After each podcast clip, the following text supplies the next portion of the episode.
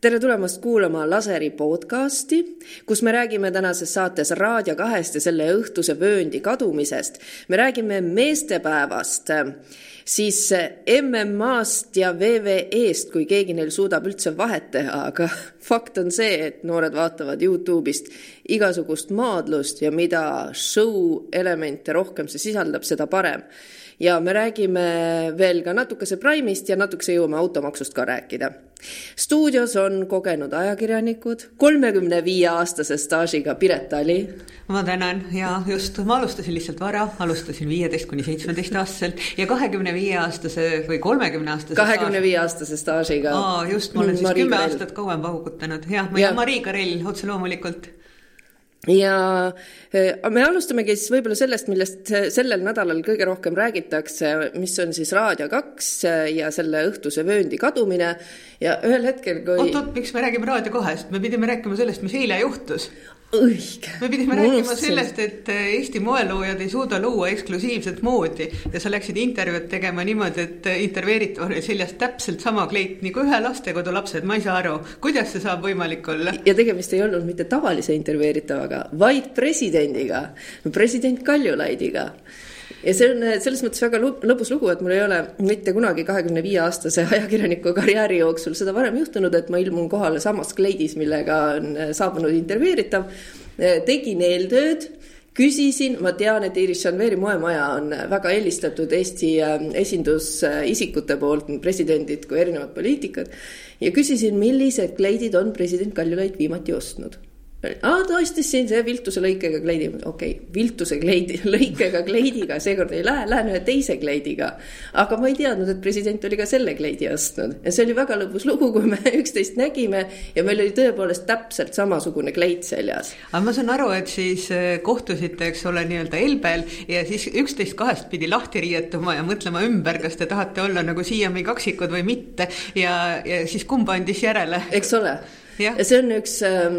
see on minu arvates titaanide kohtumine see on äh, üks äh, enim küsitud küsimusi viimase kaheteist tunni jooksul minu käest. ma saan aru, et ükskõik, mis sa oled oma ajakirjanduskarjääris teinud, siis see, et teil oli Kaljulaidiga üks kleit, on ületanud kõiki absoluutselt, sest et ähm, kohe pärast seda, kui postitasime sotsiaalmeediasse pildi, et näete, juhtus selline lõbus seik on ju, et. ja postitas. Kaljulaid, mitte sina. jah, et tore vürts äh, tänases päevas, äh, siis saabusid kohe ajakirjanike küsimused, mis puudutasid seda, mis kleit oli, mis edasi sai, millal näeb seda intervjuud, kus te olete samades kleitides. ja ma eelistasin mitte ühelegi küsimusele mitte vastata, sellepärast et noh, ma saatsin selle moemaja nime saatsin, sellepärast et ükskõik, mis ma oleks vastanud, siis oleks ära trükitud, Marii Karell ei soovinud kleitidest rääkida. aga ma mõtlen, et mitte ükski ajakirjanik ei küsinud, mis teemal me presidendiga kõnelesime. no aga see ei huvita mitte kedagi naiste puhul, neid huvitab ainult ju meediat see, et mis sul seljas oli ja kokkuvõttes, mis tähtsus sellel on, aga muidugi no ütleme niimoodi, et Kaljulaid ja Karell kleitidest rääkimas, see oleks üks kõvemaid podcast'e, ma isegi kuulaks seda. ja me peaks kaaluma kas me hakkame seda tegema, on ju? ja ma arvaks küll jah, et mis, mis te räägite siin naistevastasest vägivallast, et rääkige parem nagu sellest, kas on viltuse lõikega kleidid või mitte. Et me rääkisime ka niisama nagu tausta mõttes natukese tuumaenergiast, kuna president Kaljulaid on energiaekspert ja rääkisime äh, lähisuhtevägivallast tegelikult, et siis noh, ma tahaks, et need oleks olulisemad teemad kui see, et millist kleiti me kanname ja mis ajal aga noh, ma saan aru, et kui ma avasin täna erinevad meediaportaalid ja leidsin selle uudise ülesse, eh, siis eh, kiire guugeldus näitas ju, et selliseid skandaale on ju Eestis veel olnud, mis paneb ju kahtluse alla Eesti moemajade eksklusiivsuse, et kuidas on võimalik, et sellistel lugupeetud daamidel on sarnased riided, et kas siis nagu eksklusiivsust ei suuda Eesti rätsepad tagada, sest ma saan aru, et suure skandaali põhjustas kunagi üks Anne Stiili lugeja, kes läks härraga kohvikusse, oli ostnud omale kalli Tallinn Dolls Rawlsi kleidi ja siis avastas, et kõik ettekandjad veespaas kandsid samu riideid. et see on nagu minu arvates tohutu pettumus, mina näiteks ei saa kanda enam Reet Ausi T-särke, sest kogu F-hoone, kus ma tihti käin, eks ole, teenindajaskond kannab samu, et mis eksklusiivsest Eesti disainist me siin räägime siis. kusjuures teatud äh, riietega on selline mekk mann, mina ükskord läksin tepitud vestiga siis suurepärasesse aiapoodi, kust inimesed hakkasid kohe küsima, et kuidas selle lille eest tuleb hoolt kanda. no see, sorry. proua Karill, kas te ei ole veel teinud aiandussaadet oma kahekümne viie aastase ajakirjanduskarjääri jooksul? vot see on küll üks nendest asjadest, mida veel ei ole teinud, aga no jõuab, no ühel hetkel tuleb kõikidel, ma olen alati mõelnud, et millal tuleb see keskealisuse klikk ära, on ju, ja siis mulle tundub, et see tuleb naistel koos terrassi ja aiamaaga.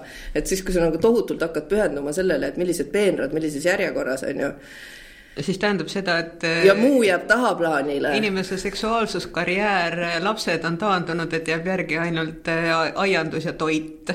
Maslow püramiidi siuksed alumised vajadused vabandust, aga noh, muidugi nüüd naaseme selliste raadiokuulamise teemade juurde. ei teagi, ma ei tea, võib-olla olekski nagu paslik minna sellelt äh, naiste keskealisuse teemalt üle hoopiski meeste keskealisuse teema juurde ja selle peale, et oli pühapäeval meestepäev. ja, et imeline, et pooled ilmselt Eesti keskealistest meestest arvavad jätkuvalt, et meestepäev on kahekümne kolmandal veebruaril, kus vanal ajal tähistati armee ja sõjalaevastiku päeva ja Vene Föderatsioonis siiamaani tähistatakse kodumaakaitsjapäeva, mis on üks hirmus patrioot patriootiline püha, kus Putin hümni laulab aga ja, meestepäev on hoopis midagi muud. ja e, täiesti suure üllatusena tuli mulle see, et on meestepäev ja ma pean e, raputama e, sügavalt uhka pähe, et me ei ole pidanud selle päeva raames üldse meeles oma meeskolleege, keda meie majapidamises leidub mitmeid. minu arust see on täiesti ebavõrdne. ja ma tunnistan oma eksimust selle põhjuseks on lihtsalt nagu lollus, et ma ei teadnud, et see päev üldse olemas on. ja võib-olla ei teadnud ka pooled Eesti mehed, et see päev on olemas, enne kui saabus pühapäeva õhtu ja siis no täna oli meestepäev kus mu meestepäeva asjad on?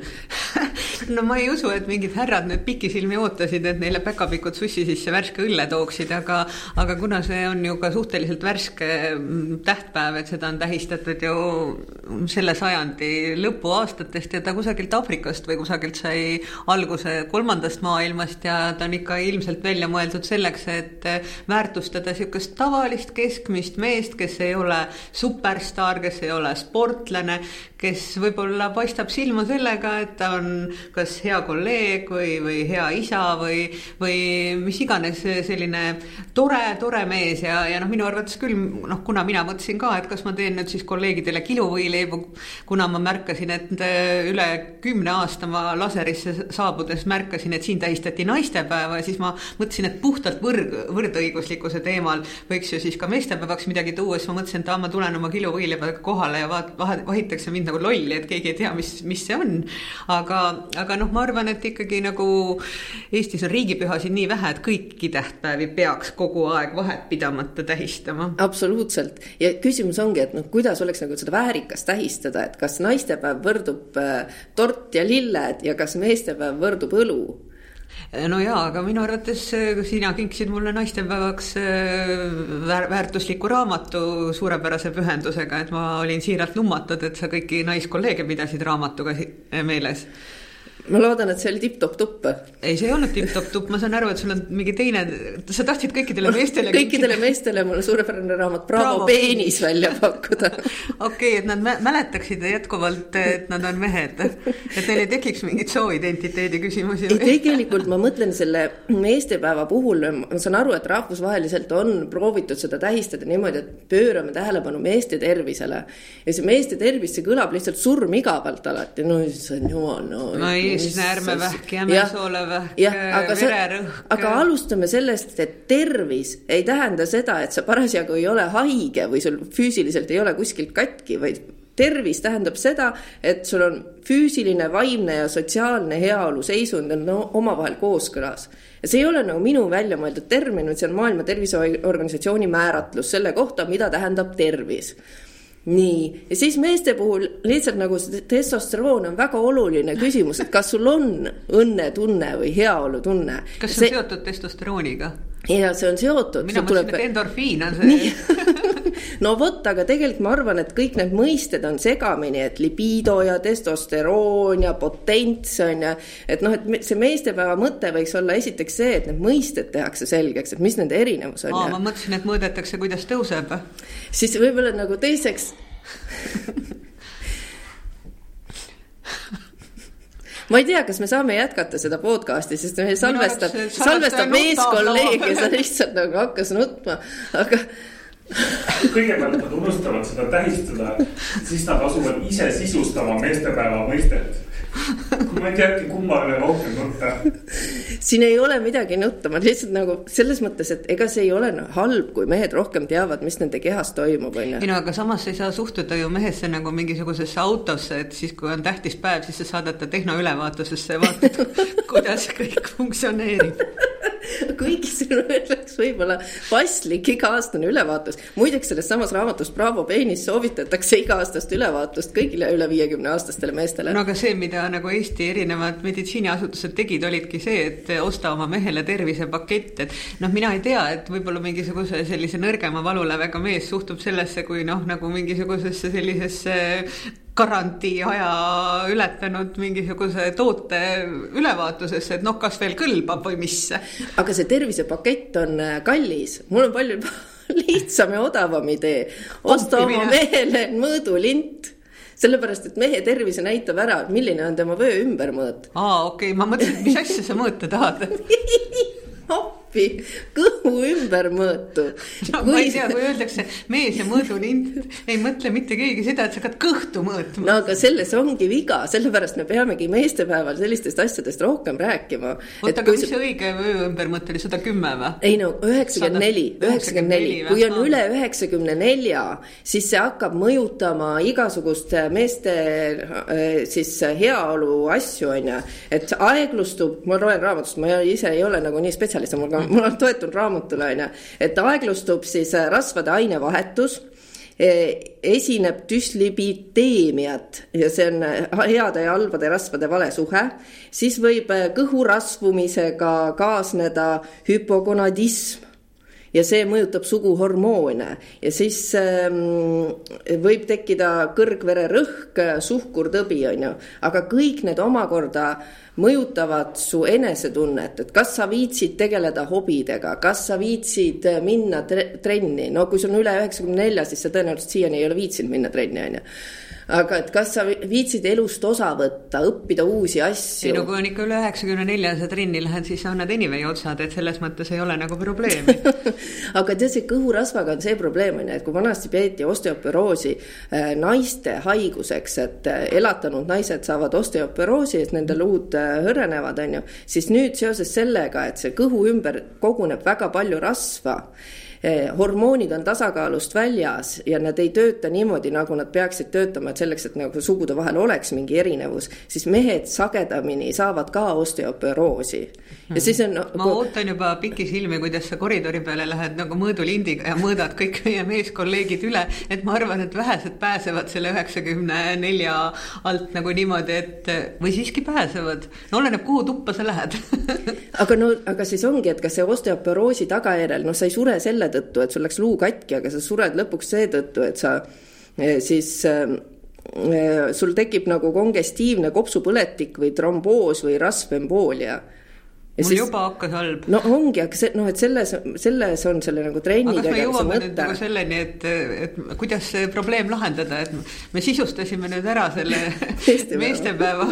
et kõigepealt sa mõõdad ära kodus, mehele õlut ei anna, mõõdad ära vöö ümbermõõdu, kui sul on mõõdulint käes, võid ja. mõõta veel igasuguseid asju pikkus, laius suurus, ümbermõõt. doktor Karell hakkab ravima doktor Karell hakkab ravima, siis ta võtab vereproovi ja ilmselt selgitab välja ka nagu nagu teemal kõrgvererõhk ja, ja kõik muud asjad? no kahjuks mul ei ole mingit väga head sihukest nagu võlupilli, et võta see sisse ja lähed kõhnaks ja nagu super hästi. ja võlupill ei ole ka see, kui sa rassid seal jõusaalis tohutult, et oi, nüüd ma tõstan oma testosterooni, on ju. et kahjuks see inimeste keha ei tööta nii mustvalgelt, aga noh, tuleb harmoonias teha kõiki asju. minu arvates testosteroonist tuleb ainult jama, olles isase koera omanik. minu arvates üritavad kõik kogu aeg nagu mulle mind mind veenda selles, et, et see kõik ei ole nagu hea, et sa pead kiiremas korras oma koera ära kastreerima, kui sa tahad, et ta kiiresti elaks. aga enamik kes.... kaua elaks, mitte kiiresti elaks. ahah, aga siis nagu kuidagi ikkagi meeste puhul peetakse seda elurõõmuga seotud. seotuks. ja, ja, aga kas testosteroon mitte nagu sihukest tervet mõistust ei tuhmista? jah ja miks sellise vanas eas arvatakse, et aa, sa oled lihtsalt vanaks jäänud, on ju, et sa ei mäleta enam asju, ajad asju segamini. tegelikult see testosterooni tase on langenud ja see mõjutab su mälu. aga oota, aga mis siis nagu naistel see vasta, vastend on äh, östrogeen või ei? mis asi on nagu naistel siis äh, testosterooni ase, asendaja või ase, aseaine, et mis hoiab siis nagu kõrge eani? Nagu vitaalsena, särtsu täis, on ju. noh. aga, aga siinkohal võib-olla nagu nõuanded lähevad, äh, on sarnased, on ju no., piisav füüsiline liikumine äh, ei suitseta, ei joo, on ju, halbadest harjumustest loobumine.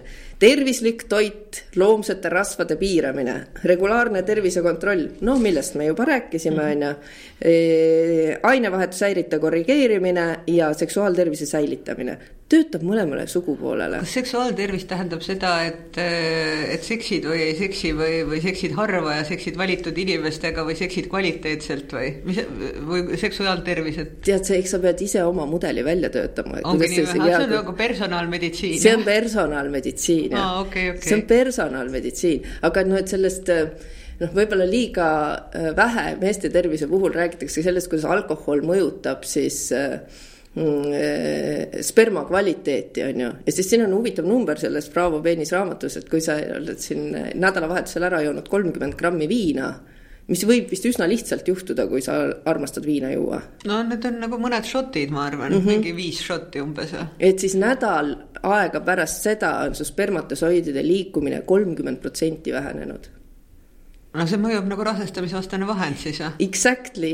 ja teine rasestamisvastane vahend veel, mis on nagu noh, ammu kasutusel olnud iidsetel aegadel, kui ei olnud erinevaid tablette, saun saun või? kuum saun. kuum saun, aga teine asi, mis veel on minu arvates Eestis on väga populaarseks saanud, on äh, loomasoolest tehtud kondoomid. mingi Tallinnas tehakse neid äh, Patuse Tallinna tuure ja minu arvates kogu sotsiaalmeedia kihiseb juba viimased kaks või kolm nädalat sellest, et äh, Kristi Paatsi muuseumis õpetab tegema naturaalseid ajaloolisi kondoome loomasoolest. ma ei tea, kas kõik peab nagu nii ajalooliseks minema. jah, aga noh, ilmselt on see nagu võluv asi ka, mida tegelikult võiks võiks vabalt nagu meestepäeval teha, et, et selle asemel, et siin äh, öelda mehele, et raisk joo vähem ja söö paremini ja kebi trenni, et, et noh, ta saaks aru, kui raske on naistel, et ta teeks oma kätega valmis loomasoolest kondoomi. ma tean, et äh, nullkulu entusiastid on äh, ka nagu proovinud vältida WC-paberi kasutamist siis samblaga läbi ajanud.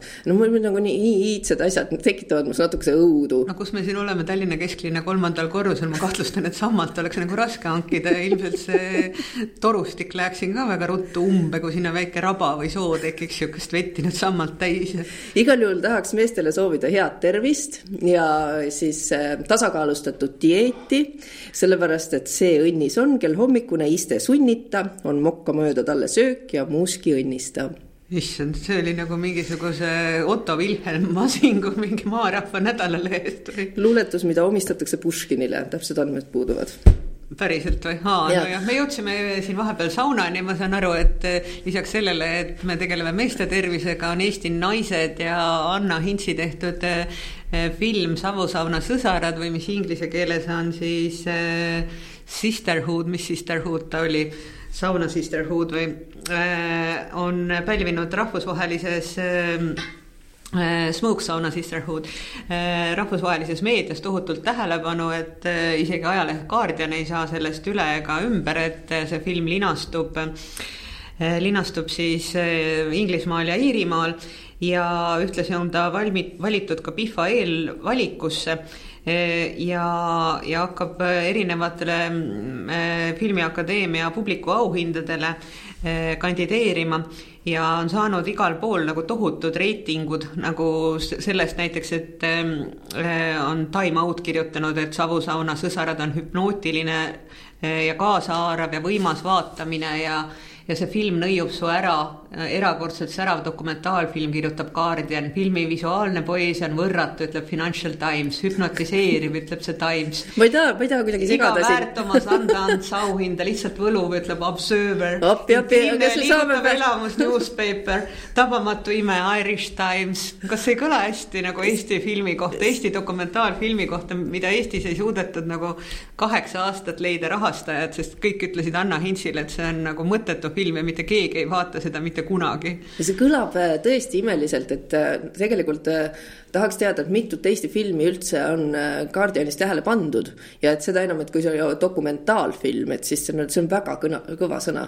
kusjuures ta on nagu täiesti pahupidine kõikidele nendele filmidele, mis televisioonis tehakse, kus on niisugune suurem paljastus ja suurem avastus, sest enamik naisi räägib suitsuses ruumis, kus on tohutult võimas audio ja nägusid ei näe.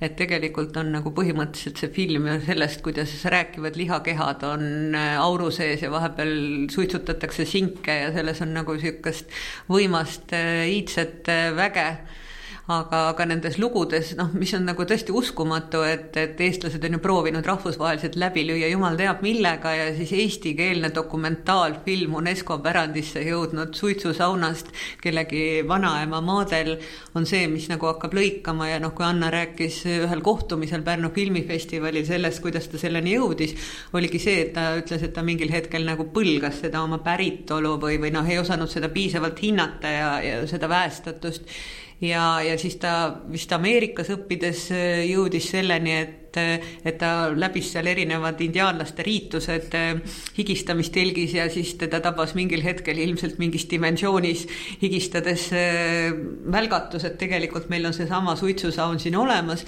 ja, ja kui ta vanaemaga seal käis, kui ta vanaema veel elus oli, kes seal filmis esineb sellise teispoolsuse saadikuna ja vanaema rääkis pärast vanaisa surma sellest, kuidas vanaisa teda pettis ja, ja ahistas ja peksis.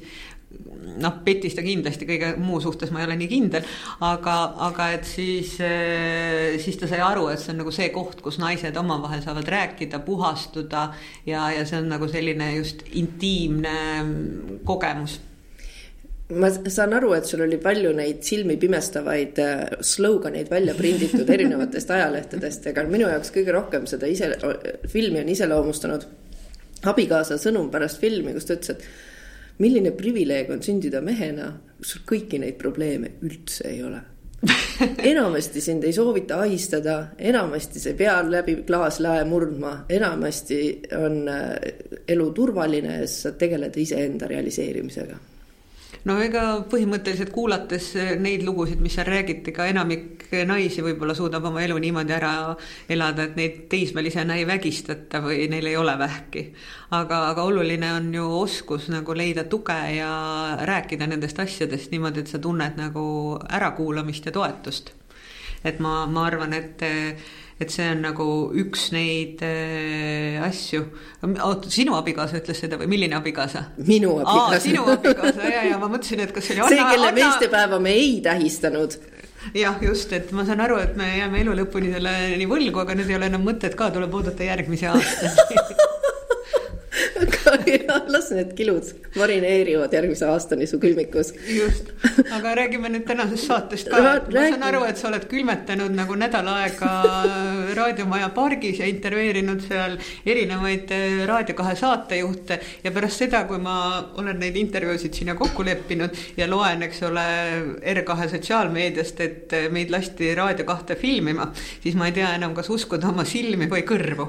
trotsides põiepõletikku, eks ole. jah, trotsides põiepõletikku, et äh, tahtsime minna hirmsasti filmima Muusikanõukogu. ja mis on üks ainsaid õhtuse no mida ainsaid, ma ei tohi öelda, üks väheseid. on õigem öelda, on ju, üks väheseid õhtuse vööndi muusikasaateid, mis tegelikult alles jääb ja, ja ma mõtlesin, okei okay,, et äh, kui sellest õhtuse vööndist on nagu nii suur lärm olnud, on ju, et see tundub, et see teema läheb inimestele korda, et äh, saame siis aru, et mis selle asja mõju on ja et saame natukese aru ka sellest, et milline on raadio mõju tänapäeva muusikaareenale üleüldse ja inimeste muusikamaitsele.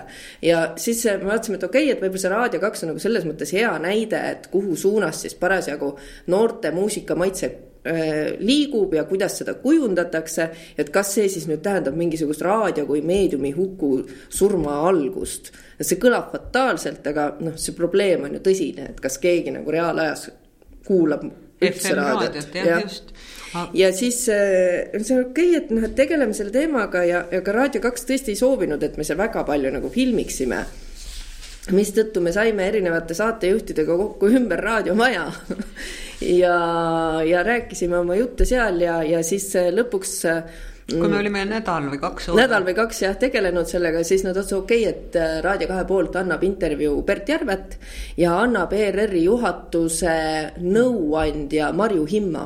ja et Marju Himma on siis ERR-is ähm, äh, sellises rollis, et mis puudutab noori ja noort publikut, et siis äh, juhatus kuulab nagu tema nõuandeid, et mida nüüd peaks tegema, et noortele rohkem korda minna.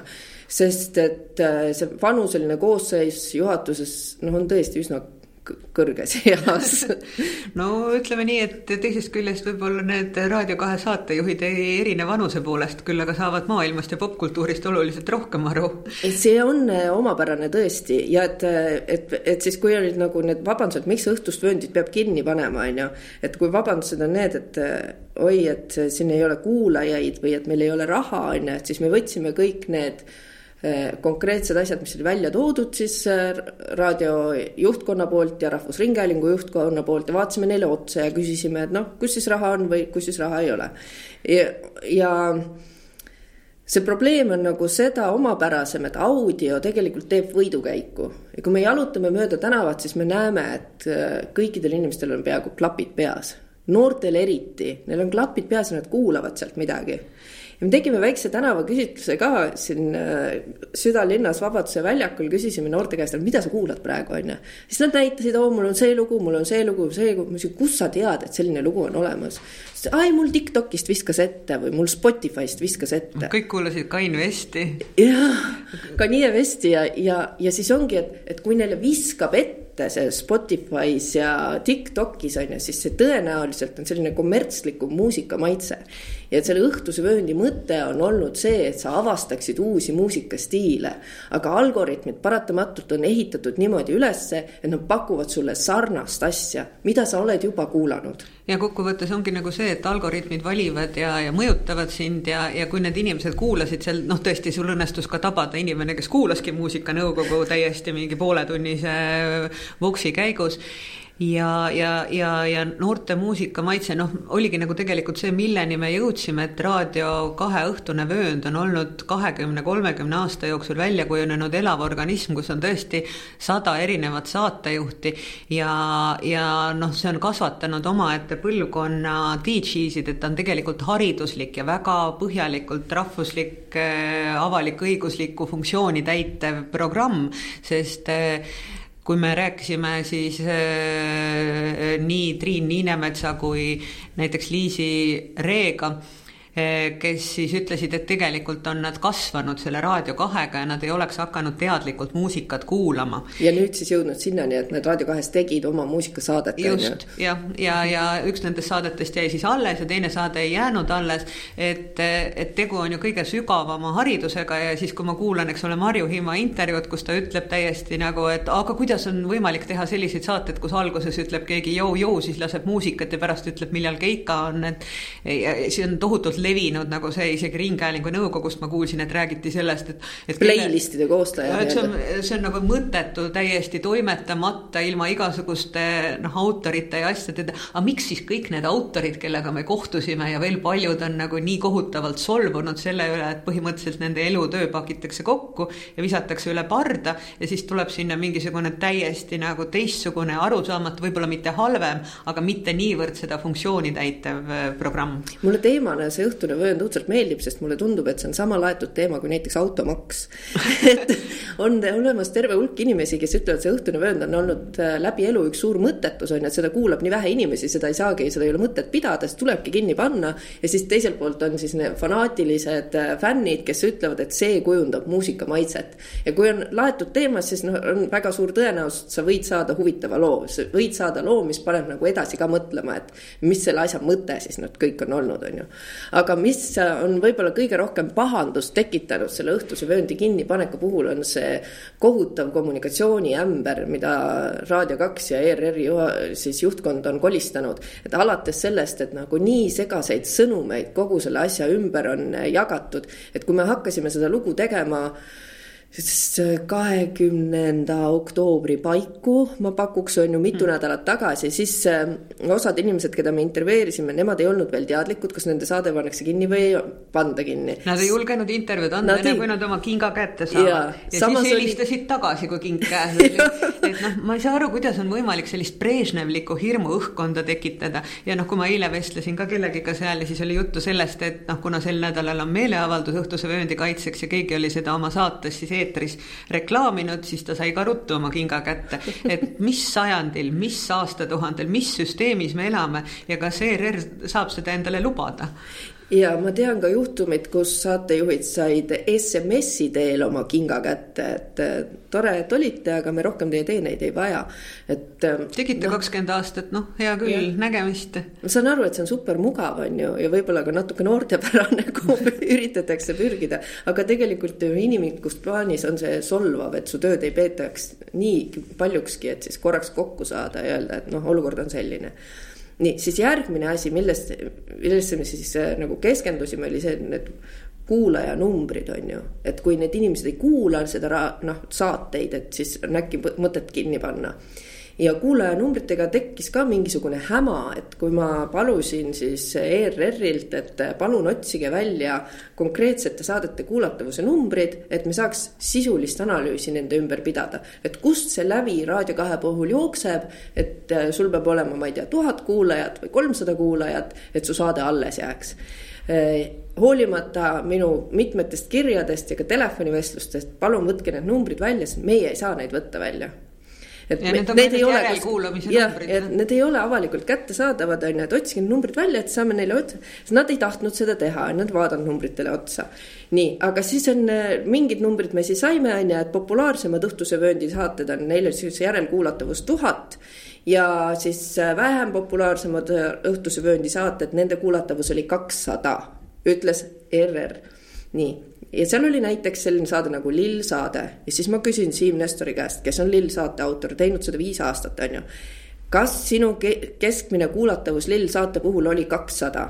sest eelmise peatoimetaja ajal saadeti igale saatejuhile järelkuulatavuse numbrid, et nad saaksid ise vaadata, milline saade läks paremini korda, milline läks kehvemini korda. Siim Nestor võttis siis nagu selle aasta statistika ette jaanuarist kuni augustini nii palju, kui talle saadetud oli ja hakkas võrdlema ja tema sai selleks keskmiseks numbriks kolmsada nelikümmend viis noh, mis ühelt poolt on, et kas sul on kakssada või kolmsada pluss kuulajat, tundub nagu noh, väike vale. aga teiselt poolt, kui sa paned need numbrid kõrvuti ja saad aru, et see on seitsmekümne viie protsendiline erinevus, siis noh, tekib küsimus, et aga miks? või et noh, et miks peab nii segaselt neid sõnumeid edastama no selles mõttes äh, ju ka ütleb tänases saates Nestor seda, et äh, tal ei oleks mitte midagi selle vastu, et kui tuleb uus, eks ole, raadiojuht või uus programmijuht ja nad lammutavad kõik ära, mis on olnud ja teevad täiesti uue programmi, kui see ei oleks nii segane, kogu see kommunikatsioon ja, ja ma ei oleks eladeski arvanud, et ERR-i helistades keegi nagu lööb toru hargile ja ütleb, et ei tule siia või siis ütleb, et ei, raadiost ei tohi seal filmida, seal ei tohi filmida, siin ka ei tohi filmida, tohib filmida ainult seda intervjuud ja siis pärast tuleb äh, meil, et äh, seda, mis on intervjuu kõrval filmitud, seda ei tohi kasutada ja noh, ma ei saa sellest kõigest päris täpselt aru, kui kõik on nagu väga nagu klaar ja koššer, et milleks siis selline kommunikatsioon. ja noh, samas on nagu väga kahju näiteks Tarvi Laamanist, keda me tabasime, ta vist ei olnud küll Jamaikal parasjagu, vaid oli kusagil Murmanski lähedal Norras tegemas esimest regepidu, kes on teinud äh, Bashment FM-i seal juba ka üle kahekümne aasta ja, ja ta ütles, et ta ei ole kunagi nagu võtnud sõna üheski avalikus teemas ja, ja noh, tema teeb oma asja edasi, aga tal on kahju sellest, mis on tehtud ja, ja ta ei saa aru, kust selline kommunikatsioon on tulnud ja, ja miks pannakse kinni näiteks see Bashment FM, mis on erakordselt populaarne, ta on nagu top viie hulgas nendes, et noh, kuulatavuse numbritega on ju hästi ja, ja siis teine, millest me rääkisime, on raha mm. -hmm. et noh, ma saan aru, et see, et ERR-is kogu aeg tuleb see kommunikatsioon, et raha üldse ei ole, raha ei ole, raha ei ole ja siis, kui sa kuuled, palju on turunduse ja juhatuse eelarved võrreldes ühe raadiokanali eelarvega, et siis on nagu see tohutult nutune, et mille peale seda raha siis kulutatakse ja tänases saates vaadake kõik laserit, näete inimesi, kes töötavad tunnitasuga kolmteist eurot saade või teevad kakskümmend kaks eurot miinus maksud. ei, arvega kakskümmend kaks, see tähendab, et seal peab ikka rohkem just, veel makse maha, on ju. ja just, et, et noh, inimesed, kes on valmis selle raha eest tegema, siis see on ju no totaalselt õhinapõhine raadio. ja, ja kui rääkida seal nendest kuludest, noh, kui, kui Laaman tõesti ütleb intervjuus, et kuulge, ma ostsin seal kohvi ka oma raha eest, isegi taksoga sõitmine ei maksnud nii palju ja ma saan aru, et paljudel inimestel on nagu au küsimus ennast sellest nagu lahti haakida ja, ja selle raha eest äh, saatejuhid tegid ise sotsmeediat, et noh, et ongi, et tänapäeval selleks, et üldse jõuda kuidagi noorte kuulajateni, sa pead tegelikult sotsiaalmeedias olema aktiivne. Äh, ja et, et kuidas siis nagu Raadio kaks sellega on tegelenud või et kuidas need noored kuulajad peaks teadma, et need saated üleüldse nagu olemas on, et. et sellele küsimusele me tegelikult ei saanud väga head vastust, sest ma arvan, et neil ei ole seda vastust. et te teete omale ise saate, me maksame teile nii palju, kui meil on. ja siis eh, turundate ise oma saadet, teil on meie sotsiaalmeedia password'id ja, ja, ja, ja kui teil ei ole hea reiting, siis me paneme saate kinni või paneme saate ka siis kinni, kui on hea reiting. et me lihtsalt otsustame otsustasime niimoodi. siis ma natukese vaatasin ringi, et mismoodi siis äh, mujal maailmas on üritatud raadiot teha äh, siis reaalajas ka kuidagi relevantseks, et noored seda kuulaksid, on ju, ja sealt äh, koorus välja kolm asja, mida võiks raadios teha. esimene on rääkida ilmast, nii nagu see on. nii kuulasin täna hommikul siis ka, no selles mõttes, et ma selle Raadio kahe lugu kuulatusel väga palju nende eetrit kuulanud, on ju. ja siis kuulan ilmateadet, on ju. mida siis ilmateade ütleb, hommikul sajab kohati lund, tuul on mandril nõrk ja muutlik, saartel puhub idakaarest puhanguti kuni üksteist meetrit sekundis külma on kaks kuni kaheksa kraadi, võib-olla on, võib-olla on null kraadi. neljapäeval levib tihe lume ja lörtsisadu üle maa, tormiks tõusva tuule tõttu tuiskab. Läänes läheb sadu kiiresti vesiseks, öösel on Ida-Eestis külma viis kuni üheksa kraadi, lääne pool on plusskraadid. päeval tõuseb õhutemperatuur jälle kõikjal plusspoole, reedel ja laupäeval läheb ilm uuesti külmaks. Ja ma lihtsalt mõtlen, et ma tegelikult raadiokuulajana, ma tahan aru saada, mida ma pean selga panema, et mul väljas külm ei oleks ja arvestades, et seda, et raadios hommikuti inimesed lähevad vara tööle, on ju, kas on võimalik see idakaarest puhanguti kuni üksteist meetrit sekundis inimese keelde tõlkida, kas see on palju või vähe?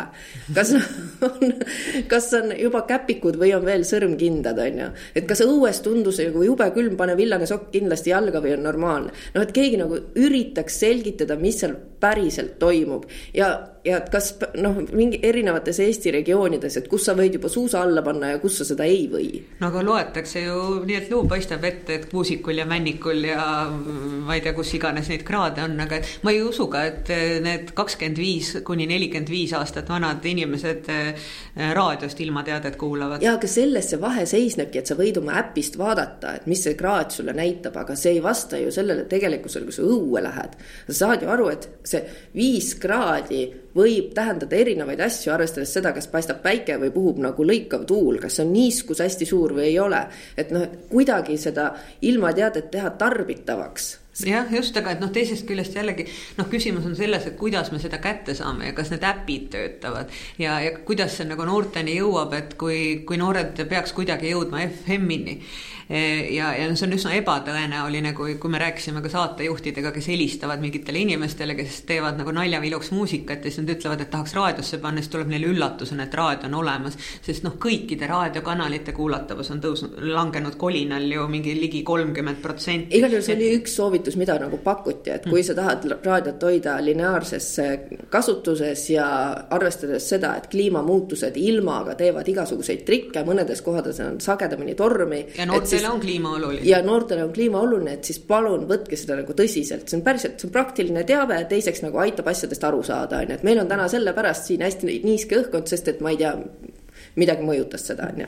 teine asi, mida välja toodi, on siis äh, tuua rohkem kaasatavust raadiokuulajate hulka ja tekitada trade'io ehk et nagu trading, trading süsteem raadios on ju, et Facebook Marketplace'i asemel, eh, kus inimesed müüvad oma kaupasid, võiks seda teha raadioeetris. et päris inimesed helistavad, tere, mul on siin potikud, on ju. no seda ERR ei hakka küll never tegema. ja kirjeldavad, mis värvi need on, mitu korda on ta kantud, mul on see mustri vahel on veits muda, aga ma võin selle ära võtta, kui Mart sa maksad viis. midagi teinud sellist kui sa maksad viis senti rohkem, on ju, et nad päriselt kuulevad, et see, see päris inimene inimesed päris sellest sihtgrupist saavad ennast samastada, on ju. ja kolmas asi, mida välja tuuakse noorte puhul on hästi oluline, on vaimne tervis. mitu vaimse tervise saadet on hetkel Raadio kahe eetris? null. et noh ja ei, selles mõttes on huvitav, et, et, et noh, sellesama Marju Himma intervjuu juures ju oli ka üks olulisemaid momente tegelikult see, et ka Marju Himma oli R2 saatejuht ja tegi seal ühiskondlik-poliitilist saadet Olukorrast riigis, mis ka ju pandi kinni või pannakse kinni siis esimesest jaanuarist.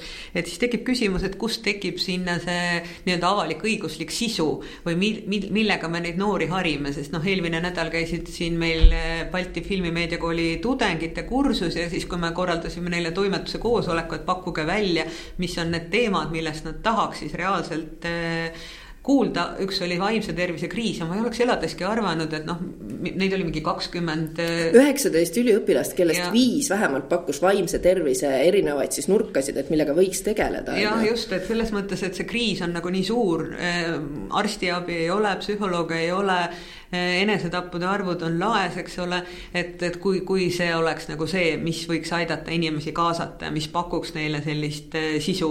ja tuge, et mulle väga jäi meelde ühe tudengi see eh, siis kirjeldus, et kus eh, ta tajus probleemi, on ju, et isa kuidagi käitus ebameeldivalt, on ju. nüüd see on nagu raske on aru saada, et kas see probleem on nüüd noh, isal või et kas see probleem on minul või et, et kuidas ma peaks sellesse suhtuma, et lõppkokkuvõttes, kui emmal-kummal äh, osapooltest on probleem, siis see mõjutab suhte dünaamikat, on ju. no kas sa elad edasi oma vanemate probleeme või yeah., või, või sa suudad nendest lahti öelda ja luua oma identiteedi, et kas sul on nagu piisavalt nagu jõudu ja julgust ja noh, teine asi, mis tundus mul nagu ka nende jaoks väga oluline, on see, et üsna varakult suunatakse noored eraldi elama, noh, ilmselt on ka need peremudelid sellised, et eh, on mingid kärgpered, kus nagu suured lapsed mõnes mõttes noh, lükataksegi omaette elu peale ja siis nad peavad hakkama saama sellega, et nad ei tea eh, umbes, mis on kvartalipalk ja sa pead guugeldama ja, ja kuidas maksta üüri ja noh, sa ei ole selleks eluks üksinda valmis, kui sa oled kaheksateist, seitseteist, viisteist ja tegelikult selliste probleemide lahendamiseks on ju olemas erinevaid mudeleid, et noh, et lihtsalt nagu,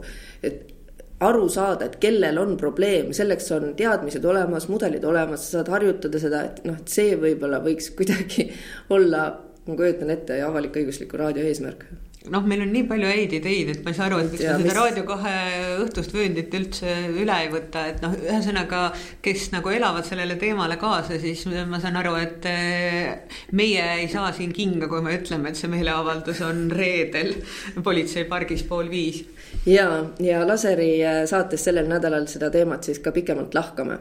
aga eh, Laseri eelmistest teemadest me saime väga vahva kirja vaataja käest, mis puudutas jooki Prime ja, ja on olemas Eestis üks selline ettevõte kes ei olnud Stark Logistic, vaid oli muud. vaid oli Stark Import, on ju, ja Stark Import kirjeldas, kuidas nemad üritasid Eestis saada Prime joogile ainumüügiõigust ja selle mõttega, et neil oli plaan seda jooki mitte kunagi müüki paisata. et kuna seal on nagu nii palju keemiat sees ja nad nägid, et see igal pool maailmas läheb tohutult populaarseks, et davai, et võtame Eestis nagu need müügiõigused endale ja hoiame seda kinni. et seda nimetatakse siis kuidagi mingi buried, buried project taktikaks on ju ja ja nad ei saanud seda ainuõigust ja nüüd vaatavad suure kahetsustundega, et noh, et miks see üldse müügil on, et, et see on ikkagi lastele niivõrd kahjulik, et miks ei ole selle vastavat silte juures poodides. no aga samas on ka nagu hämmastav, et, et noh, mulle kuidagi isegi see sobis, et mingisugune eksklusiivne kommipood müüb seda üheksa või kaheksa eurot, et võib-olla igaüks seda kogu aeg ei osta,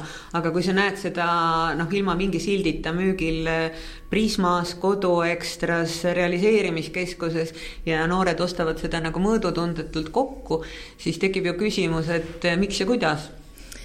Ja selle äh, Prime'i siis üks maaletooja, toojatest, Logan Paul on andnud. Loojatest, maale, maale ta õnneks vist oh, ei ole toonud.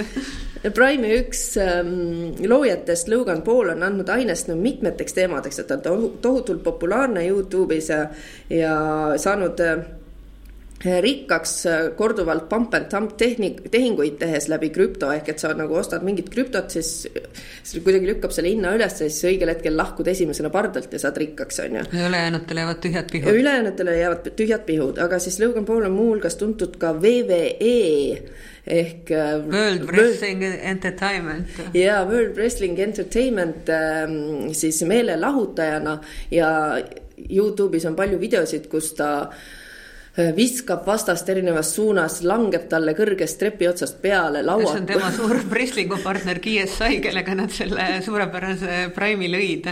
lauad purunevad ja oma Lasertechi kanalis äh, Youtube'is äh, me siis kolleeg Ariaga püüame siis kuidagi lahti seletada, et mis on selle VVE fenomen, sest seda vaadatakse palju.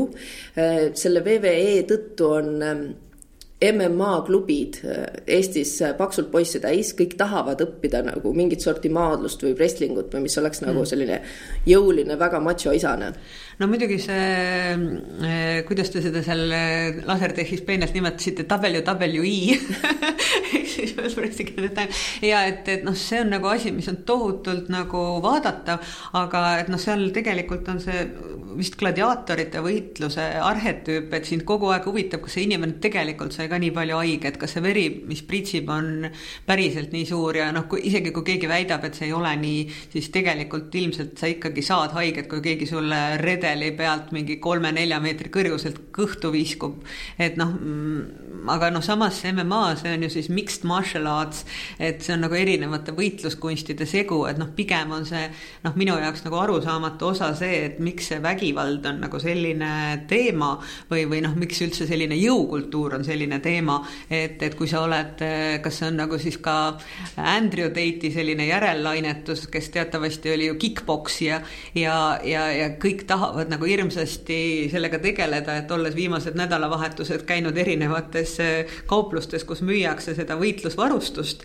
Eh, et siis on seal nagu päris palju inimesi, kes seda varustust soetavad. oota, kas tavalistes Prismades on ka juba nagu munandi kaitsmed müügil või? ma ei tea, kas on eh, kai-, kaitsmed, aga poksikotte ja kindaid võid sa näiteks depoost osta või, või Decathlonist või kusa-, kusagilt iganes, aga, aga et on olemas jah, sellised eraldi poed ja kogu see noh, nii-öelda maskuliinsus, testosteroon, millest me alustasime, see on nagu mõnes mõttes nagu muutunud selliseks radikaalseks ja äärepealseks ja põrandaaluseks, aga, aga noh, noorukites on selline teatud uus puritaanlus ja uus mehelikkus kasvamas.